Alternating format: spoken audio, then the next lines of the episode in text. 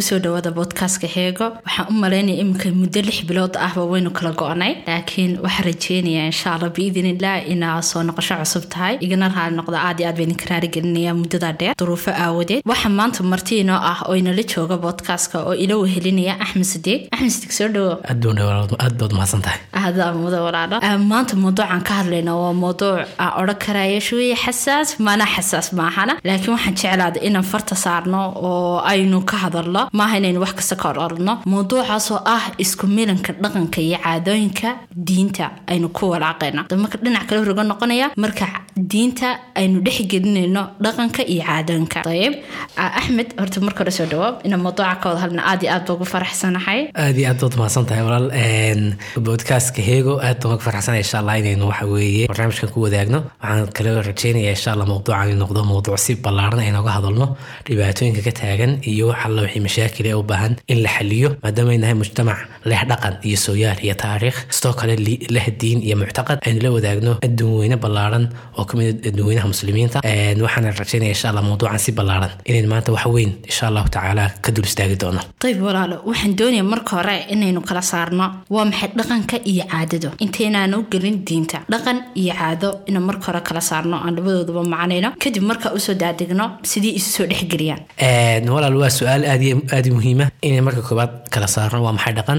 Sidoo kale waa maxay ama waa maxay caado? Caadada badanka waxaa la idhahdaa waa wax maalinla ah ama waqtigeedu gaaban yahay. Caadada waxaa laga yaabaa inuu noqoto mid ka bilaabmato qof ama qoys.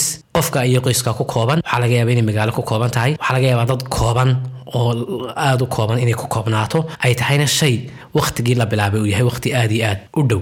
Sidoo kale se laakiin dhaqan markaynu idhahno dhaqanku waa ka xeel dheeryahay dhaqanku waa mid soo taxnaa laga yaabo qarniyo ballaaran inuu soo taxnaa.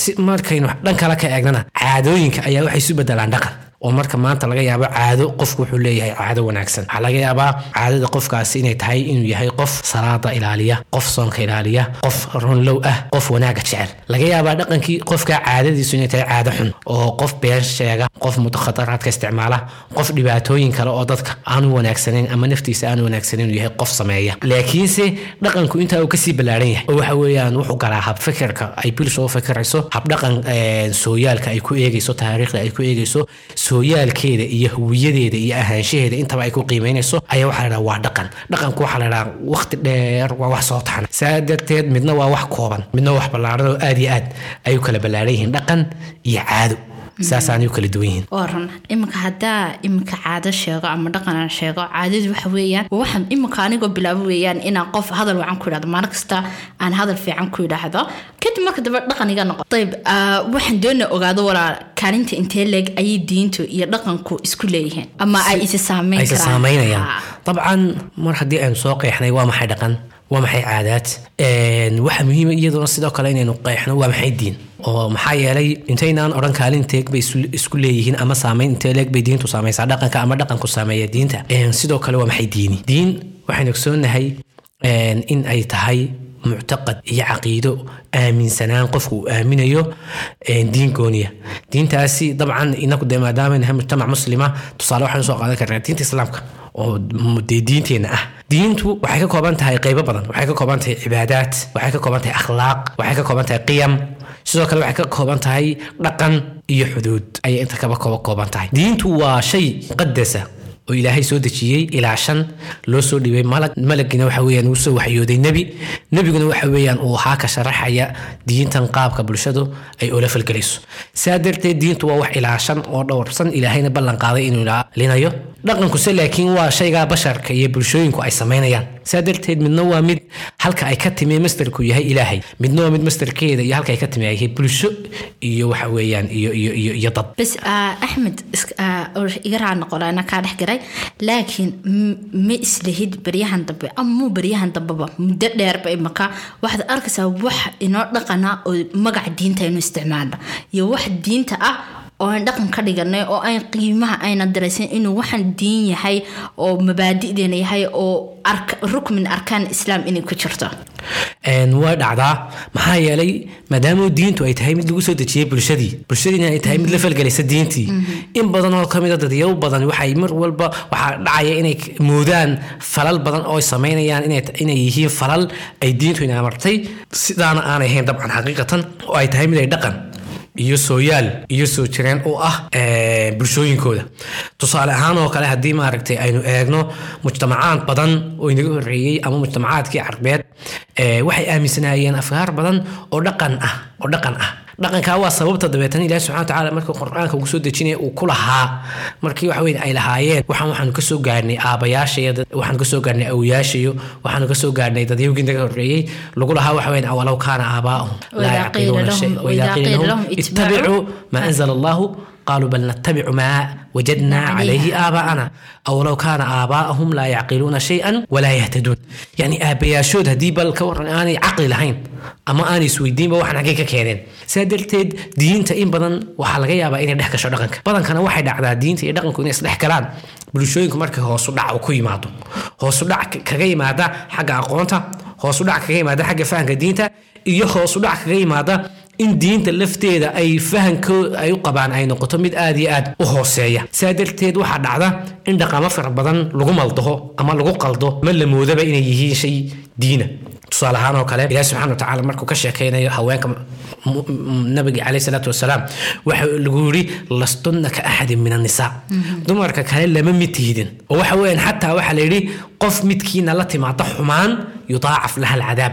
Cadaabka waa loo labanlaabaya. Sidoo kale dumarka nabiga caleyh salatu salam waxay lahaayeen dhaqan waxay lahaayeen cafwan axkaam iyo xukun iyaga u gooniya. Xukunada maalan iyaga u gooniya waxaa ka mid ah dumarka nabiga caleyh salaatu wasalaam inaanay ka soo bixin sidoodaba waqarna fii buyuutikunna yacni buyuutikuna culimo fara badan waxay dhahdaan waxay khaas ku tahay haweenka nabiga caleyh salaatu wasalaam yaa nisaa nabiy ayay khaas ku tahay oo siyaaqa aayadda aayadda wuxuu ka soo sheekeynaysay haweenka nebiga tiyo haweenka nebiga laga soo sheekeynaya caleyh salaatu wasalaam ayaa waxaa la leeyahay haweenka nebigow aqalkiina joogo ha ka soo bixina. Laakiin haweenkii kale bulshaweyntii muslimaadka ahaa iyagu way ka duwayn haweenkii nebiga. Marka dhalan badan laga eego. Dhanka koowaad. Lianno marka koowaad haweenka nebiga caleyh salaatu wasalaam masalan waxaa xaaraan ahaa in nebigu markii uu dhintay kadib inay cidguursato xaaraan bay ahayd sidaa darteed waa xukun iyaga u khaasa haweenka kale muslimaadka lama wadaagaan bacd riwaayaat ayaa waxaa la sheegay. Nebiga caleyh salatu wasalaam geeridiisi kadib gabadhii nebiga isguursadeen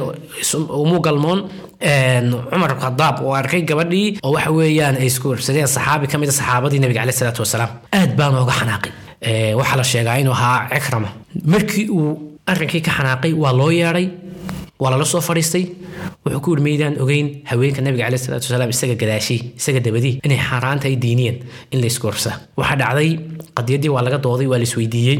Saxaabadii waa waxaa saxaabiyadii waxay tiri nabiga caleyh salatu wasalaam maadaama on wax xidhiidh aan na dhex marin wii dooransiiyey wii kala dooransiiyey in waxa weeyaan aan ka mid noqdo ummahaat almu'miniin oo nabiga caleyh salatu wasalaam xaasaskiisii ah oo ummahaat almu'miniinka aan ka mid noqdo hooyooyinka mu'miniinta iyo inaan ka mid noqdo muslimaadka waxa weeyaan badan ee waxa weeyaan axkaamta muslimaadka kale leh.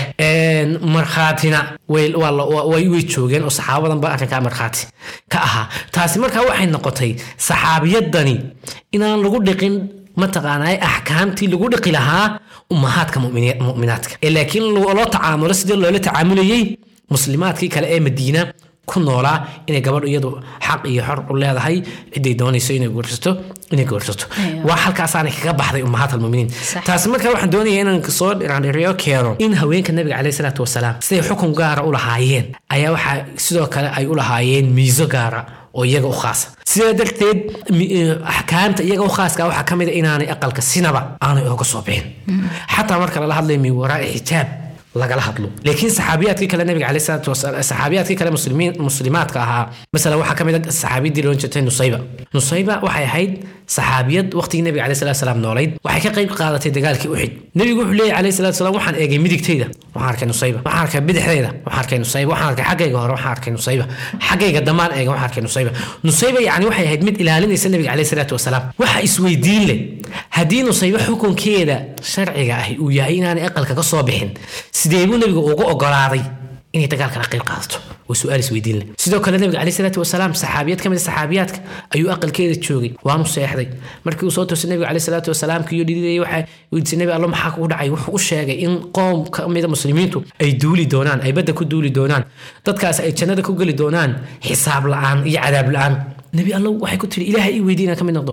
Ka mid baa tahay buu ku yiri kumuu odhan aqalkaaga fadhi kama mid noqonaysid mana ahaanaysid taas waxay kutusaysaa waayadii dambe waxa soo baxay tusaale ahaan dhaqan oo dhaqanka carbeed baa wuxuu ahaa gabadhu inaanay aqalkeeda sinaba ooga soo bixin wax kasta hadday dhacayaan dadyo badan baa dhaqankii waxay moodeen haddaba inuu yahay diin iyo kale iska doonayo sidaa darteed baa dhaqankii waxay ka dhigeen diin bay ka dhigeen. Wax rootiini ay iyagu sameeyaan. Mushkiladuna halkaasay ka bilaabmatay in dhaqankii lagu maldaho diintii ama diintii lagu qaldo dhaqankii. Dadku ay talabaada kale ma oga markay diintu timi inay insaanku makaarim u akhlaaq u qiyam lahaaday oo heerar u sameeyay. Aad iyo aad. Ma janaysan ninkaas. Waxaynu arkaynaa on badanka waxaynu u fiirsanaa ah caalamkuu tadawuray soo maaha soo u tadawura aynu u soconno. Laakiin ina m- diintan inay noo samayso qiyam iyo makaarim iyo akhlaaq ha noqoto jinsiga ragga ha noqoto ama ka dumarkaba ha noqoto mid kastaba inuu qiyam gooniya leeyahy laana haddaa markii hore u fiirsa wara markayna diintu aanay jirin yani intaan nabi maxamed iman ka hor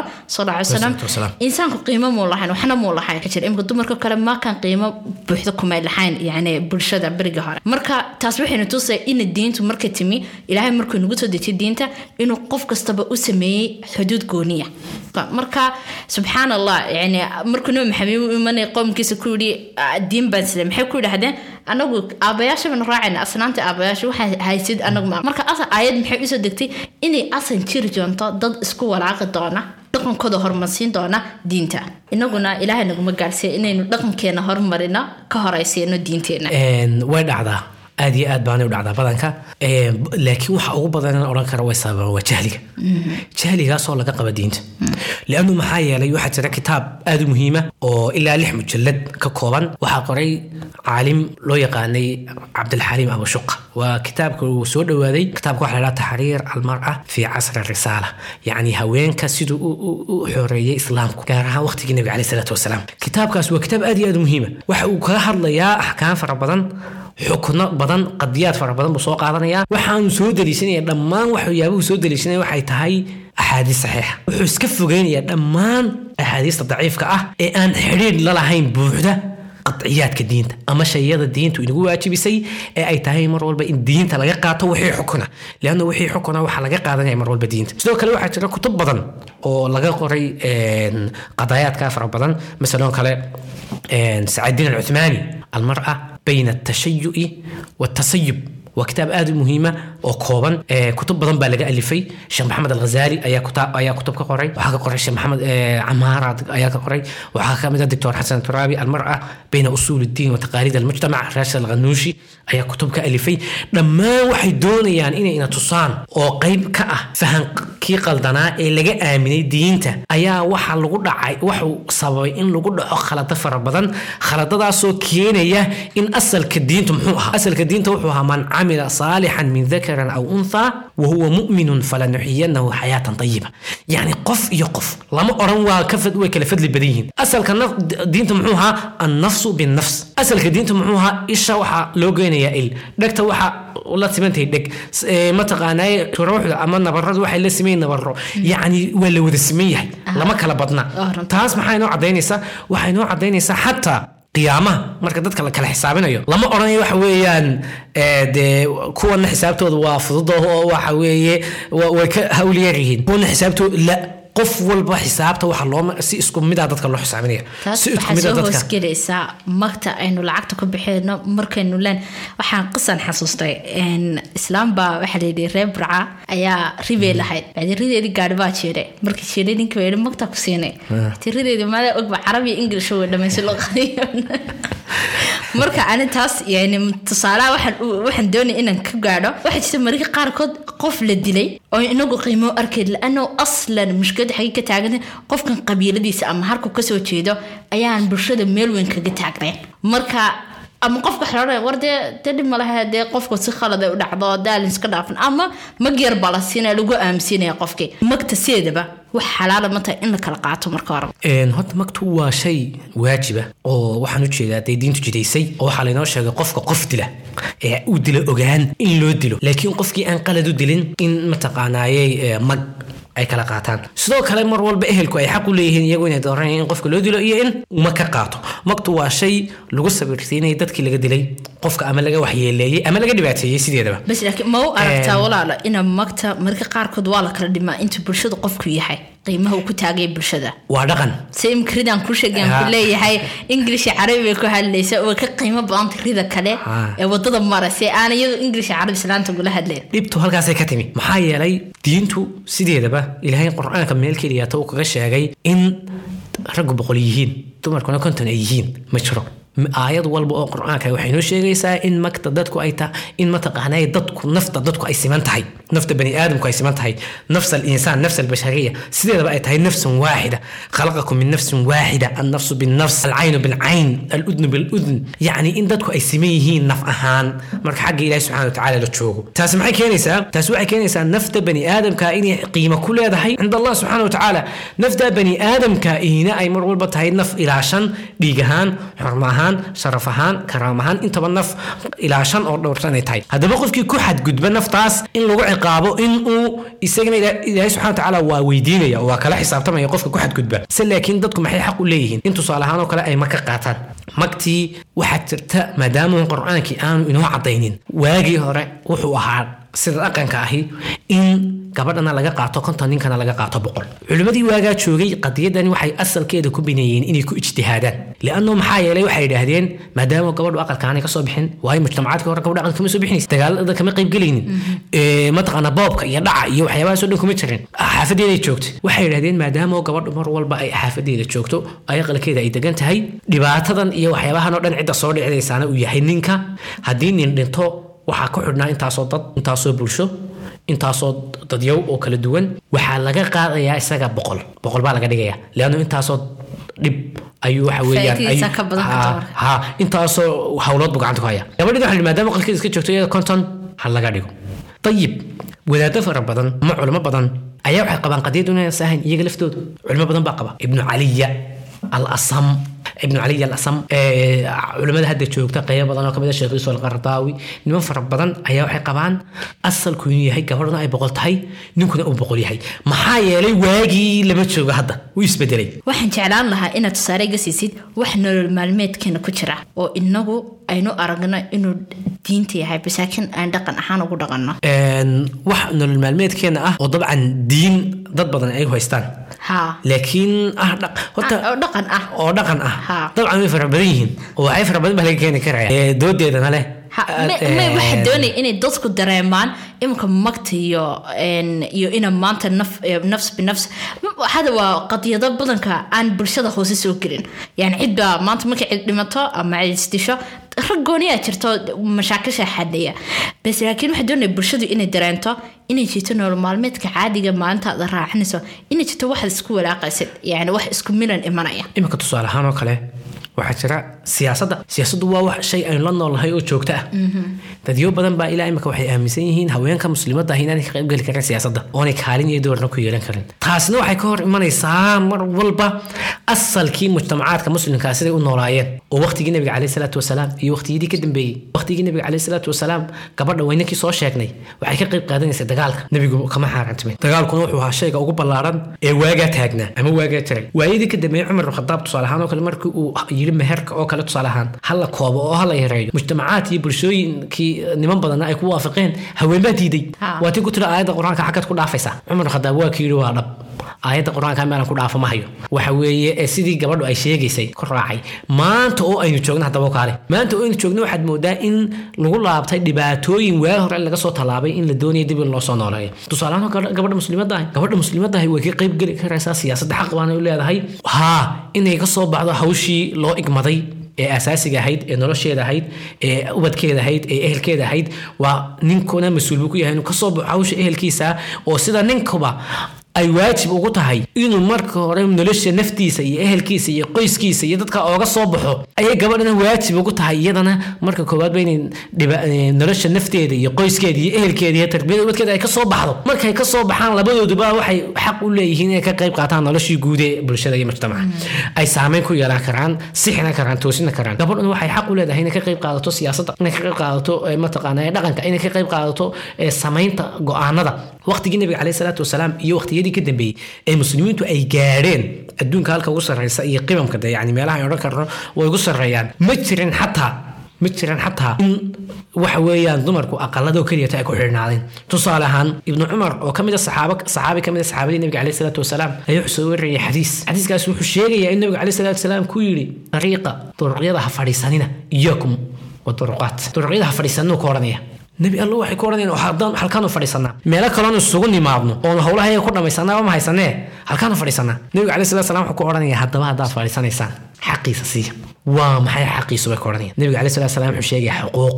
Waxaa ka mid ahaa inay aragooda iyo dha- iyo iyo iyo iyo indhahooda laabtaan. Oo dadka halkaa maraya aanay markay sii socdaanna sii eegin markay soo socdaanna aanay soo eegin oo indhahooda laabtaan. Maxay ku tusaysaa? Meel kasta xaqeeda leedahay. In leedahay. In mujtamacaadku aanay ahayn mujtamac kala xidhxidhan oo qaybin ay xidhan tahay masaajidka nabiga u kaale caleyhi salaatu wasalaam waa lagu wada tukan jiray. Ma jirin xataa waxaa dhahaa sitaar iyo teed u kala dhexeeya waa lagu wada tukanayay waayadii dambaa la keenay xataa sitaarka iyo teedka iyo u kala dhexeeya waa wax nabiga caleyhi salatu wasalaam ka dambeeyey. Waa lagu wada tukanayay laakiin ah, walaal axmed yani ana saan imika u arko dunida tadawur xo- xooga gaadhay. Yani sanad wasan kadib xoogba dunida u sii tadawaraysa tadawarka aynu gaadhayno ma islihid dhibaatadeeday leedahay ka bulsho ahaan xagga diinta. Laana tadawarkan maanta waxaa sibtamka loo sameeya ama loo kala xidhay waxa weeyaan dadkii beriga hore niyadoo saafi ahayd wax mii jirin waxna may arki jirin daa'iradooda way yareed seerkalkooda way yara wax kasta wuu yara bas imika dadkan imika jooga ama mujtamaca yani inagaba naga- aynu ka mid nahnay la seerkalkiinu balaanay maanta qofka wadankii jooga iyo qofka u k jooga ama halka ugu dambeysa qudban jooga iska warhaya waxaa ka dhacaya. Xumaan hadduu yahay hadduu shar yahay hadduu wanaag yahay wax kasta. Marka qaarkood ina waxaa la sameeyey yani culimmadu sameeyeen faa'iida ku jirta. Bas laakiin wax kastaba haddii inteeda dhaafaan dhibaatadeeda leedahay aad iyo aad waxaynu doonaynaa ubadka iyo ilmaha soo kacaya inuu noqdo ilmo ka jawaabi kara su'aalaha taagan iyo ama xal u heli kara dhibaatooyinka bulsho ee taagan. Bal waxaad isweydiisaa ilmaha qofka tarbiyeynaya hadduu yahay qof aan la socon dhibaatooyinka adduunka ka jira ilmo noocee buu soo saaraya? Ilmo madax xidhan. Ilmo madax xidhan. Aan waxba ogaan karin. Aan adduunka la socon. Aan ka jawaabi karin dhibaatooyinka taagan. Marka waxaynu leenahay mar walba haa inakoo aan lahayn waxa weeyaan qofku xad- xadhkaha goosto oo khadkaa ka sii baxo oo waxa weeyaan adduunka wax walba oo mataqaanaayey ee, taagan. Go- go'aan ku yeesho aragtiha ka dhiibto may inagoo aan sidaa lahayn. Waxaynu leenahay qofka aynu doonayna inaynu soo saarno aynu samayno aynu tarbiyeynaa waa qof ka jawaabi kara dhibaatooyinka bulshadiisa iyo ummadiisa iyo dadkiisa haysata. Maxaa yeelay waa qof dhambaal sida. Qofka muslimka adina sidiisa waa qof dhambaal sida. Qofka dhambaalka sida aqalka ugu soo barbaaraya iyo aqalka uu ku soo kobcaya waa in noqdaa aqal loogu soo sheego marka hore dhibaatooyinka bulsho ay taagan. Taasi maxay keenaysaa? Taasi waxay keenaysaa inuu soo baxo qof isku kalsoon qof qiyamkiisa ilaashanaya qof og maxaa qaldan maxaa saxan adduunku siduu u socdaa adduunku halkeebuu u socdaa yacni tana qofkii loo baahnaabaa imanaya. Waxaa kaloo jira masalan dhaqano badan oo qaldan oo goorka ka mid a goorka waxaa laga yaabaa waqtiyo fara badan inuu waalidku ku qasbo ilmihiisa cidaanu doonin duco qaado duciyo habaar waa la kala soomaalida ha qaado. duciyo habaar bay tirahdaa duciyo habaar meel ay kaga taali diinta ma jirto meel ay diinta kaga taalaa ma jirto qofku isagaa xaq u leh leannu noloshan isagaa waxa weeyaan lamaano qofka uu lamaano kula wadaagayo nolosha isagaa xaq u leh inuu ciduu doono la sameeyo waa inuu noqdaa cidi ku kalsoon yahay ha marka xataa waxa weeyaan qadaayaadka dhaqanka waxay gashay guurkii iyo shakhsiyaddii qofka deeta marka la leeyahay baleeg qofka marka la leeyahay duco iyo habaar yacni duco iyo habaar si marka loo eego waa dhaqan oo ma hadee diin ilahayna ma odhan duco habaar kala qaata marka joogta guurka marka si loo eegana waa diin oo waxa lagu leeyahay duco ilaahay baa waxa weeye u siinaya habaar waxa weye ilaahay baa kagu ciqaabaya yani waa dhaqan laga dhigay diin oo waxa weeyaan la doonayo in bulshadii la aaminsiiyo inay sidaa tahay laakiin dabcan caadaadka xun ee noocaas oo kale ahi waa caadooyinka mar walba oo bulshadu dib u dhac uu ku dhaco sii siyaada aadna u sii kobco oo sii maskaxiyan labalaamo ku sameynaya inay dib u dhacaan Aan, axmed haddaa u fiirsatay dhaqan kalaa jirta oo bulshadeena ku badan oo ah inaa ilmihii isagoo aqooniba siduu u tukado ama salaada dariiqada saxa u tukado ayaa malcamad lagu tuuray la odhan ar qur'aan soo xafid qur'aanka soo xafidbaro ilmihii qur'aankii wuxuu xafidayaa muundhi wajhillah uma xafidaya wuxuu xafidayaa hooyadii aabihii sida uu gurigooda uga noqon lahaa heer yani meel qiyam uga lahaan lahaa ama heer u lahaan lahaa ama hooyadii aabihii u raaligelin lahaa. Bas laakiin haddaa u fiirsatid salaada ma aqaano xataa hadduudan salaadba ma tukado. Bas qur'aanku soo xafida uu soo raabta salaad ma tukada. Qofkaas weymka kale anu ku idhahdaa waa qof soomaya laakiin salaad tukana waa ajarka mu dhammaystirmaya waa saasoo kale. Marka ani ma lihi yacni qur'aanka in la xaftiyo waa khalad. Bas laakiin waxaan u arka binadara thaniya ina qur'aanka ilmaha inta lagu ijbaarinayo inuu xifdiyayo horta marka ugu horeysa islaamka iyo mabaadida iyo arkaanka iyo siduu salaada tukana iyo qofka mabaadidiisa iyo ictiqaadaadka in loo soo dhiso kadibna qur'aanka ha u xifdiyo liwajhilah isagoo badanka dad badan baa arkaysa imsa baa maqlay qof qur'aan xifdiya oo imaam ahaa oo aabihii ka dhaartay hada waa xuquuqul waalidiin inay gaar marka weydiyo sababta ka odhanaya aabahay berigan yaraa ayuu i qasbi jiray ama igu qasbay waxaanan doonayn inaga dhinacina ama inaga jiilkiina soo kacaya ama jiilkii naga horreeya oo iska tagan iminka inagaa muhiimad ah ina jiilka soo kacaya siaynu ihtimaam u sii lahay waxaan jeclaa ina ilmaheena marka hore diinta la jeclaysiiya kadib marka dambe wixii kale aad egastara doonaysa inaad ugu dartid markaa ha noqdo. Laakiin inaad sidii hooyaasheen iyo aabayaasheen dad baa jirta hooyaashooyin aabood tarbiya fiican ku soo koriya. Laakiin waxaa jira dadka asaga dhaqan ahaan marka hore waxyaabo tarbiyana lagu soo kordhiya uu tahay inaynu iska dayno oo wixii saxa aynu qaadano cali bin abdaalib ayaa waxaa laga hayaa kelmad aad u cajiiba uu leeyahay. Haw tarbiyeenina ubadkeena sidii idinka laydiin soo tarbiyeeyey waa cali. Maxaa yeelay waaqica wuxuu ogaa waaqica iyo joogtada dad iyagu inuu mar walba isbedelo. Hadda waxaa la sheegaa adduunka dee qaab tarbiyeenta ubadka iyo tarbiyada sideedaba inay inay noqoto shay lagu soo takhaso jaamacado loo soo galo. Oo waxa weeyaan aqoonteeda leh. Maadaama inaku aan iska ahayn dee bulsho aqoontani ay ku cusub tahay. Bulsho dhibaatooyin fara badan qaabkaas dhaqanku uu ku hayo. Bulsho uu ku hayo ma aragtay aqoon la'aan badani ay dhibaato badan ku hayso. Waxaa dhacaya inayn wax walba inaku moodi jirnay in awood wax laga socodsiiyo. Qofkana waxaa aasaas ah in fahanka marka koowaad ba laga dhiso. Nabiga caleyhi salaatu wasalaam saxaabadiisa wuxuu ku tarbiyeynayay inuu fahanka ka dhiso waxaa la sheegaa maalin maalmaha ka mid ah inuu nebigu salaadii casar uu ka soo habsaamay. Salaadii casar markii uu ka soo habsaamay saxaabadii way soo buuxsameen aad bay u yaabeen. Maxaa ku dhacay talo maanta nebiga caleyhi salaatu wasalaam? Uu la soo habsaamay. Waa nebigu mar damba wuxuu soo galay kiyo inan uu awow u yahay oo inantiisu ay dhashay qoorta ku sida. Aad bay u yaabeen. Salaaduu galay qoorta ku haystay kiyo sidii u hayay tukiyey uu salaadii dhammaystay waa ayo haddaba dadkan. Innaka maanta waxa laga yaaba shaygaasi waa shay caadiya oo tirada maxaa ku jaban? Hadduu soo galo kiyo sidana. Laakiin dadka waagaa joogay bal fiiri. Ilahi subxana wataala markuu sheekay wuxuu leeyahy waidaa bushira axaduhum biluntha dalla wajhuhu muswaddan wahuwa kadiim yatawaaraa min alqawmi min suu'i maa bushira bihi. Ayumsikuhu calaa huunin am yadusuhu fi turaab yacni marka midkood inan lagu bishaareeyo dalla wajhuhu muswaddan wahuwa kadiim yacni caro iyo mataqaanaa margo aawadeed wejigiisu wuu madoobaan jiray waa laga arki jiray qofka aan dhibaata haysato yatawaara min alqowm dadku ka dhuudhubanaya yaan la odhan waxa weeye waa hebel yaan la arkin yaan loo yeedhin min suu'i maa bushira bihi waxaa mataqaanaa ilmaha la siiyey xumaantiisa ayuu waxa weeyaan ayuu dee yani siduu ku aaminsan yahay oo dadka oga dhuumanaya ayumsikuhu cala miyuu iska haystaa waxa weeyaan dhib buu ku mutaa iyo weji xumo uu iska sitaa calaa huun kiyo weliba mataqaanaa xaaladiisu ay tahay xaaladiisu iska haysta ilmaha. Am yadusuu fi turaab mise ciidu ku aasaaba. Yacni qodob noocaas ayaa in uu la soo galay ayuu ku tukiyey wuxuu ku tarbiyeynayey inay tahay qofka aragtida uu ku eegayo bulshada ay isbedesho. Tusaale kale nabiga cala sala slam baa u yimi. Wuxuu arkay nebigoo ilmo uu awow yahay dhunkanaya xasan iyo xuseen. Wuxuu ku nebi allow sagaal ciyaalan dhalay midna ma dhunkado markaasuu ku oo maxaan kugu sameeyaa? Haddii ilaahay qalbigaaga naxariista ka saaray. Yani shuuf marka inaka maxaa dhacay? Inaka dhaqanka wuxuu inaga noqday ilmaha waxaa la moodayaa haddii masalan la geeyo madrasadii oo keliyaata oo qur'aankii lagu soo tarbiyay macaw kalaamkii ilaahay yahay oo xifdigiisii in noloshiisii kale isbedelayso la qur'aanka waxaa loo baahan yahay in la jeclaysiiyo inuu fahmo in lagu dhex tarbiyadeeyo in lagu jeclaysiiyo inuu gacanta ku hayo inuu mataqaanaaye kiyo jecel. Uu ilmihii wax weyn la falgalo. Fahankaana asaasi mar walba dadkii nebiga caleyh salatu salaam saxaabada ma xifsaninba qur'aanka. Waa tii markii toddobaatan saxaabi la dilay saxaabadu ay dhahdeen waxaan ka baqaynaa in qur'aankuba saa ku dayacmo. Qur'aanku saa ku dayacmo. Waxay kutusa saxaabadu ma xifdisanayn laakiin way fahansanaayeen qiyamka iyo akhlaaqda iyo suluuka iyo dhaqanka wanaagsan u sido ay fahansanaayeen marka waxaynu u baahannahay inaku ilmaha marka la toosinayo ee sidiisaba la saxayo in laga soxo laga soo galo ilmihii sidii ilaahay subxana watacaala uu yiniiri u soo mara oo ah wanaag. Liannu mar walba bal hadday u fiirsano deynta. Waxa weeyaan nabiga calai salatu salaam wuu inoo sheegay wuxuu yidhi yacni wanaagu iyo dhibirsanaantu shay ma gasho ilaa way wacnaysaa tasadudku iyo adadeyguna shay ma galo ilaa wuu xumeeyaa. Inaku markaa waxaynu u baahannahay in xumaanta iyo adadayga inta laga soo dhaqaaqo. Adadayga maxaa wata? Adayga waxa wata dhaqanka badanka. Dhaqanka bulshadu waxaa lagu leeyahay awliyaasheen baa sidaa ah. Aabayaasheen baynu ka soo gaarnay. Ma inaka weligeen bay waxaynu hayn dad yaw geel dhaqdo oo mataqaanaa dadka dhaca oo awood leh oo bulshooyinka saameyn ku leh. Waxa weeyaan inakaa dadka ugu sandheerayn inakaa ugu magac weyneyn. Reer hebel. Baynu laandheeraynahay waxaasoo dhan qur'aanku. Ugu soo tallaab xataa waxaa la sheegay dhaqanku. Dee yacni waxaa la sheegaa ee, laba saxaabi mar abudar iyo inay isqabsadeen ayaan filaya inuu ahaa iyo bilaal deetan saxaabigii baa ku yidhi bilaal ina hooye madoobow yacni kaagan madooba u jeeda nabiga isula tegay nabiga calai sala slam wuxuu ku yidhi cayartahu biummi ma hooyadii baad ku ceebaysa?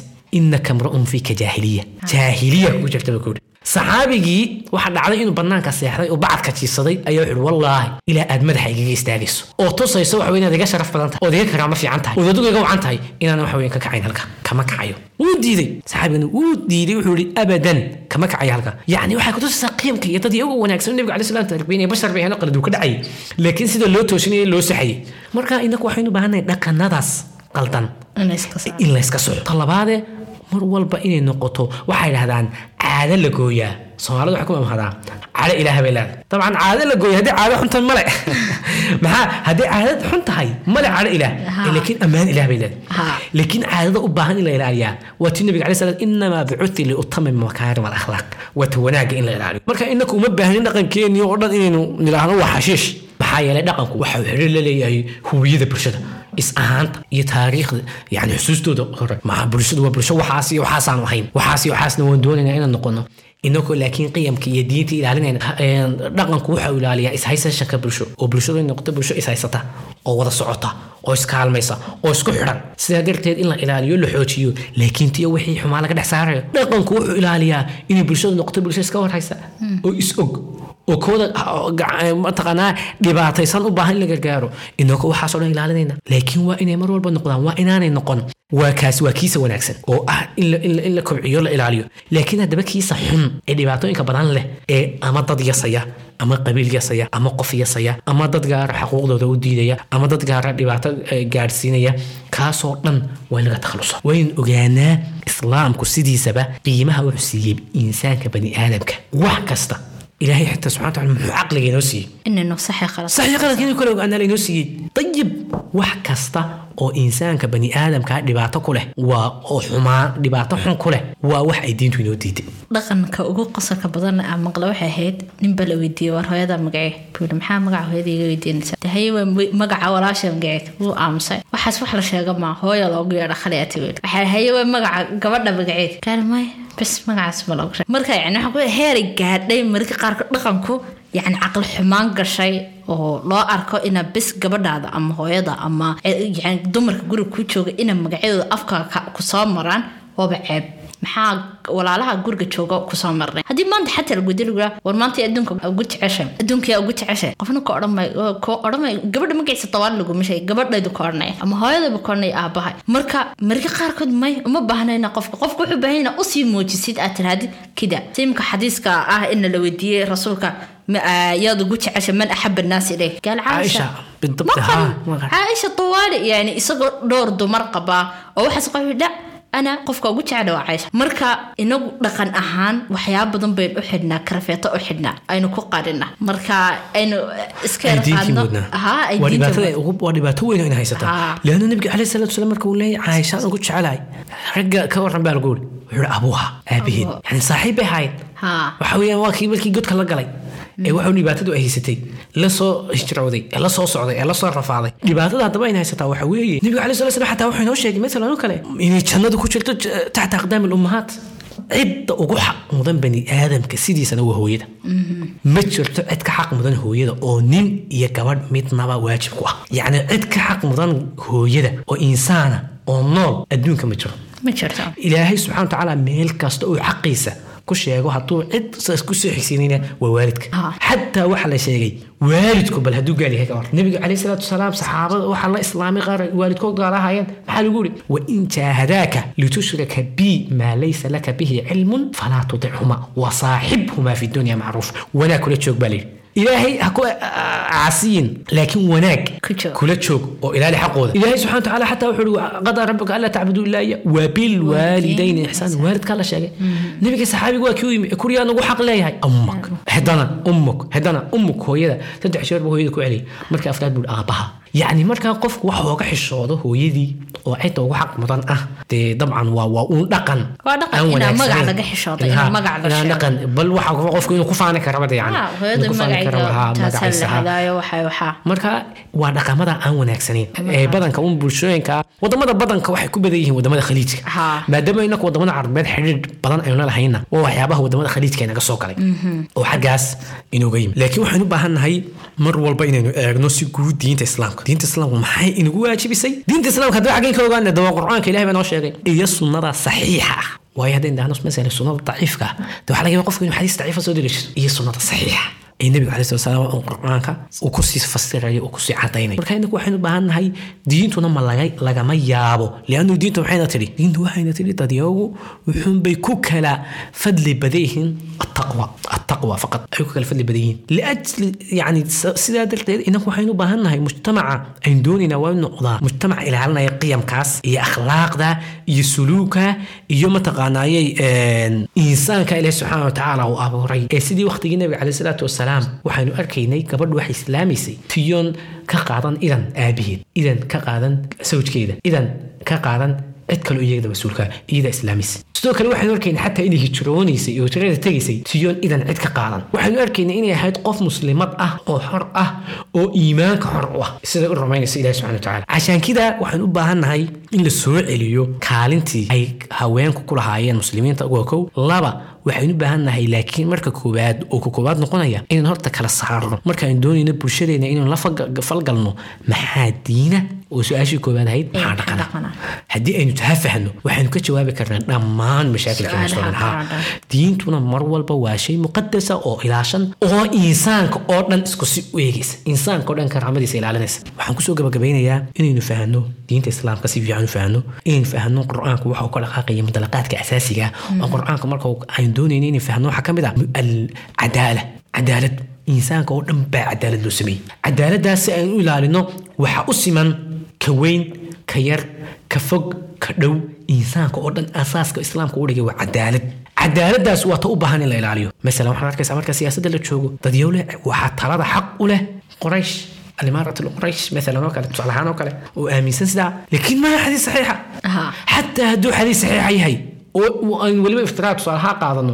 Waxau ka imanaya aayad qur- qur'aanka qadciyaadkiisu ka hor imanaya ilahi subxana watacaala inaanu bani aadamka ku tafado inaanu ku kala gadi ku kala duduwin ama aanu ku soo kala dhaweysan aasaas qabiil aasaas qowmiyadood aasaas xeer elayidhi ina akramakum cinda allahi atqaakum. Wuxuu ka hor imanaya saxaabada ridwaanullahi calayhim. Markii laysugu imanaya saqiifa ee la dooranayay nabiga caleyhi salatu salaam yaa bedelaya ansaari hadday go'ayso ay leedahay quraysh baa talinaysa maxay u tiri annaguna amiir aanu samaysano idinkuna amiir samaysta maxay u tiri macnaha ma saxaabadu may ogeyn miya xadiiskan. Cumar bin khadaab waxa uu leeyahay haddii mataqaanaayay inuu saxaabiga ahaa baan malaynaya mucaad haas mucaad wuxuu haddii cid iga dambe haddii cidaan xulkan lahaa mucaad baan u dhiibi lahaa buuri mucaad mucaadna ma haynan qoraysheed mu hayn Wayna Sidaynu qoray. ogsoonnahay, ha mu haynan qoraysheed laakiin waxaa jiray loolan u dhexeeyey bulshooyinkii waagaa taagnaa loolankaa deetana waxay u arkayeen waxa keliya ti ku kala guuleysanayaan inuu yahay dhaqan dhaqankiisa laakiin si loogu kala guuleysto waa nagu lamaanayaa diin.